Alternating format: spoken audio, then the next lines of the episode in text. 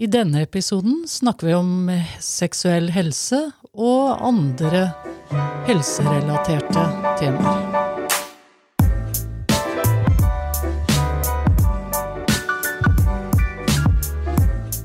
Sex. Det er jo et spennende ord, Camilla. Seksualitet. Ja, det, er et spennende ord.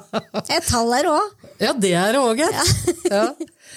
Men det her med seksualitet, har det noe med faglig forsvarlighet å gjøre? At eh, personalet har eh, ryddig forhold til, til temaet? Ja, for det dukker jo opp. Og jeg vet jo at eh, selv om man har en utviklingshemming, så har man jo behov og kanskje lyst til å ha sex med noen de òg, sånn som alle andre. Ja, det skulle bare mangle. Men hvilke temaer tenker du Hva tenker du er viktig at personalet, f.eks. som jobber i hjemmet til en person, da, har av kunnskap om seksualitet? Jeg tenker at det kan være litt viktig, at, um, uh, det er jo ikke alt man kjenner og vet om. Også noen tenker jo at uh, en kjæreste på en måte At man kan være kjæreste med en venn uten at man er egentlig kjærester. Andre tenker liksom på kjærester og tenker på at man har lyst til å ha sex mange ganger og med hvem som helst og hvor som helst og sånn. Uh, Så det du sier nå, er at uh, du tror det er viktig å ha noen å snakke med for å finne ut av hva en kjæreste, hva er en venn, når er jeg litt for lett på tråden, eller hva, hva er det jeg skal beskytte her eh, i forhold til meg sjøl? Eh, ja, eller hvis noen har lyst til å gjøre noe som du kjenner at det har ikke jeg lyst til, jeg, ikke, jeg kjenner deg ikke godt nok, jeg kjenner deg ikke, eh, jeg syns du er skummel, og det å klare å si nei, men også liksom det å lære kanskje hvordan man kan ha et godt kanskje sex god sex med kjæresten din, da, som du kanskje har vært sammen med i, i tre år, liksom. Og så har man lyst til å ha sex, og så vet man ikke helt hvordan det skal foregå, fordi man har aldri lært det. Nei. Nei, og det å skulle finne fram alt på egen hånd, det kan jo være sikkert utfordrende. Og da er det sikkert veldig lett å gå inn på, på pornosider og Ja, og, det kan jo... og det er jo feil, eller feil uh, læring, for å si det sånn. Ja.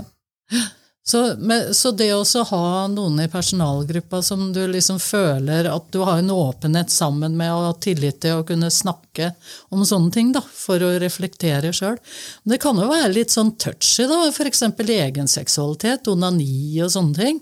Eh, kan jo være jeg, jeg, tror jeg har slitt litt med å skulle snakke med Hvis jeg hadde blitt sengeliggende på en eller annen måte og tenkte at her har jeg et seksuelt behov, kan du hjelpe meg å få tak i en vibrator eller et eller annet? Ja, også det går jo an at man eh, snakker med noen som jobber med å lære eh, folk med utviklingshemming eh, om dette her. Mm. Eh, så man har et lite kurs mm. Eh, sånn, eh, på fellesen, så, sånn at man, så at man kanskje lærer de tingene, og kanskje kan spørre om de tingene uten at det er for flaut, fordi man veit at den personen jobber med det. Det er en sånn vanlig greie, liksom. Så det du sier nå, er egentlig at vi trenger både kurs for å kunne lære om egen seksualitet og det å ha god sex sammen med andre, og det å lære hvor grensene går, så vi ikke gjør noe overgrep. Eh, og det handler jo også om hvilke nettsider vi går inn på på nettet. Sant? Der kan det jo bomme òg. Eh, og så sier du også at det er viktig med å ha den tilliten til et menneske som er nær deg i personalgruppa. Ja, for hvis, no, hvis noen f.eks. Eh, vil gjøre noe med deg som ikke du vil, eller har gjort noe med deg, så er det viktig på en måte at du har en du er kjempetrygg på, som du kan fortelle til. Mm. Penger. Det er nesten like hot som sex. Nei, ikke helt. Men penger! Eh, det er jo flere som har en utviklingshemming som sliter med det å eh, f.eks. styre penga, da. Det å ikke bruke opp hele lønna med en gang. Eh, det er ikke bare, det har ikke noe egentlig, så er det mange uten utviklingshemming også, som sliter der. Samme som burde ha hatt hjelp. Ja, ikke sant. Men sånn fra personalets side så må jeg si at det er et litt sånn touchy område. Det å skulle Eh, f.eks. ta vare på andres penger. Jeg tror jeg ville hatt gode sikkerhetssystemer rundt meg, sånn at eh, jeg ikke kunne eh, bli beskyldt for å stikke av med noe penger, eller ikke sant, altså noe sånt, som personal, da. Eh, men hva, hva, hva tenker du er viktig at personalet støtter folka på? Altså, når det gjelder liksom penger, da, så tenker jeg at det ikke burde være en av personalet. Eh, jeg tenker at man burde ha en eh, for eksempel en familie, eller en i familien eller noe sånt, som man stoler veldig på, som man er veldig trygg på fra før og kjenner fra før, og vet at ikke vil lure deg på noen måte. Eh, det, jeg personlig syns det er på en måte fordi at hvis personalet skal ta vare på pengene dine, så er det mange som er innom, mange som ser kodene, mange som ser kontonummeret osv.. Og, så videre, og det syns ikke jeg er så lurt. Det var, det var veldig lurt sagt, syns jeg. Eh, og så tenker jeg på Det er jo flere som er verge, nettopp fordi at de ikke forstår å ta vare på pengene sine sjøl. Så det er jo folk som da vil kunne følge opp. Ja. Trygghet. På en måte så har vi jo vært igjennom eh, temaet, eh, altså trygghet, men det å ha en trygg hverdag, og så ha et trygt sted å bo, det å ha en eh, hva skal vi si, en jobb, et dagsenter Det er jo ganske stor arbeidsledighet, blant annet, blant folk med utviklingshemming. Har det noe med faglig forsvarlighet å gjøre, da? At folk har en trygg hverdag? Det har jo det, fordi at Eh, fordi at eh, når det er faglig, så er det jo fordi man jobber et sted hvor det bor mennesker. Eh, og da er jo det at de skal passe på og hjelpe til at den personen får en trygg og fin hverdag. Det å på en måte pushe litt på så du kanskje har et dagsenter eller noe å gå til, uansett hva det er.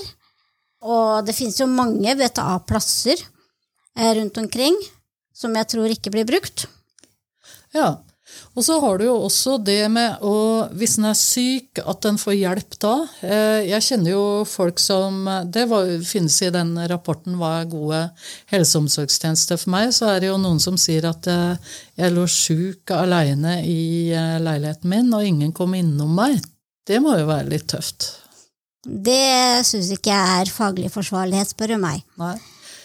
Som, eh, og som eh, holdt på å si eh, gjort undersøkelsen i forhold til korona og personer, hva personer med utviklingshemming forteller om koronatida, så er det jo også de som sier at personalet trakk seg helt unna, og at de var stort sett aleine hele dagen. Og følte seg utrygge, følte seg utrygge på natta og sånne ting. Eh, det tenker jeg iallfall har noe med faglig forsvarlighet det er at folk skal føle seg trygge. At det er en viktig, viktig del. Og jeg er veldig enig med deg i det.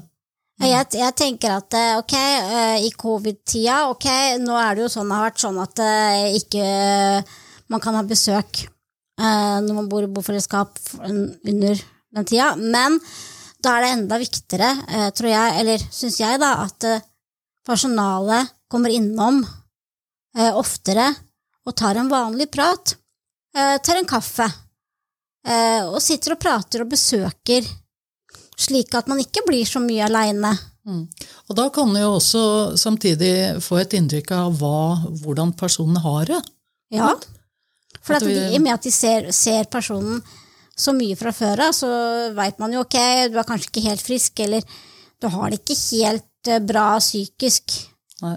Eh, mentalt fordi at det, du har vært mye aleine. Ok, hva kan vi gjøre for at eh, det skal snu? Altså, da har man det å gå tur, for det kan man alltid gjøre, det kan man alltid gjøre liksom. Eh, eller altså For det er ikke så mye man kan gjøre når det har vært på det verste på korona. Mm.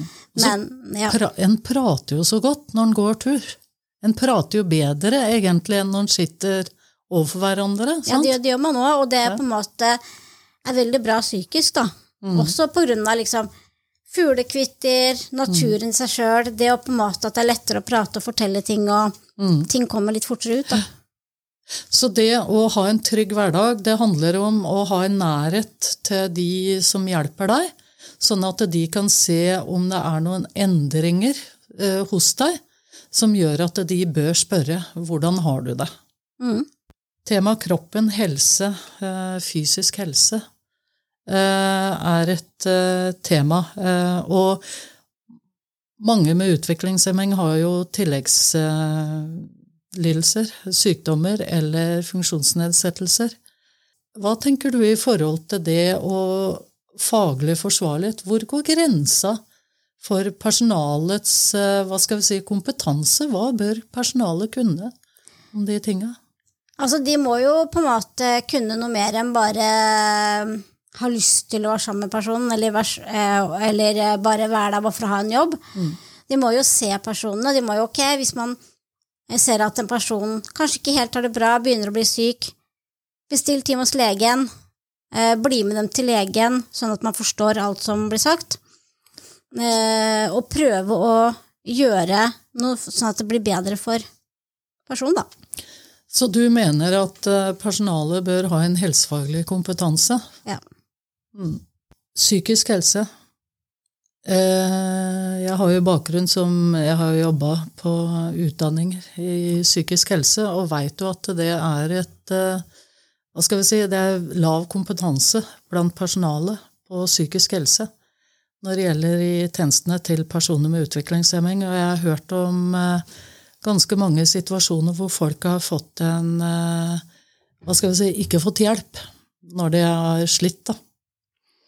Eh, men eh, hva tenker du i forhold til personale og kompetanse og faglig forsvarlighet når det gjelder psykisk helse? Der tror jeg det er sånn som Jeg tror jeg svarer det sånn som jeg sa på forrige tema. For at, eh, de, burde ha, de, burde ha, i hvert fall litt kompetanse og vært innom um, når de tok utdannelsen eh, om, om, psykisk, om, psykisk, Så de har litt grann peiling, i hvert fall. Mm. Så de vet hva de skal se etter, og hvordan de skal kunne hjelpe litt. Der tror jeg du er inne på noe. Det der å gjenkjenne eh, symptomer på uhelse, psykisk uhelse, Eh, det er nok en mangelvare hos en god del personale. Og hvis det blir for store personalgrupper, så er det også veldig vanskelig å fange det opp og gjøre noe konkret med det. Det er derfor jeg syns at eh, jo mindre eh, personale på hvert enkelt menneske, jo bedre er det jo. Pga. tryggheten og Ja, det er et godt poeng. Innunder det her med psykisk helse så har vi jo det med rusmidler. Altså alkohol og narkotika er en rett for personer med utviklingshemming å kunne drikke og ruse seg som alle andre, holdt jeg på å si. Altså, det er jo ingen som på en måte har godt av å drikke for mye eller ruse seg på stoff og sånn. Men det som jeg tror er en god ting ved å bo i et bofellesskap, øh, hvis man skulle få det, den, de problemene der, da, det er at du har noen som som eh, forhåpentligvis ser, og du kan stole på så de kan snakke, det, snakke, med deg om de tingene der. Eh, være litt hard, være litt rett på. Som tør å si Du, eh, jeg ser at eh, du har vært rusa en del ganger. Eh, hva er det som gjør at du begynte med det? Hvorfor gjør du det? Har du det ikke helt godt? Eller, ikke sant? Sånn at de må tenke litt hvorfor de gjør det, og, og kanskje Uh, ja. Mm. Nei, for der, der, er det jo noen dilemmaer uh, i forhold til, som du er inne på, hvor ofte ruser man seg? hvor mye ruser man seg? Heller ikke ruser seg, da, men f.eks. drikke alkohol. narkotika er jo forbudt.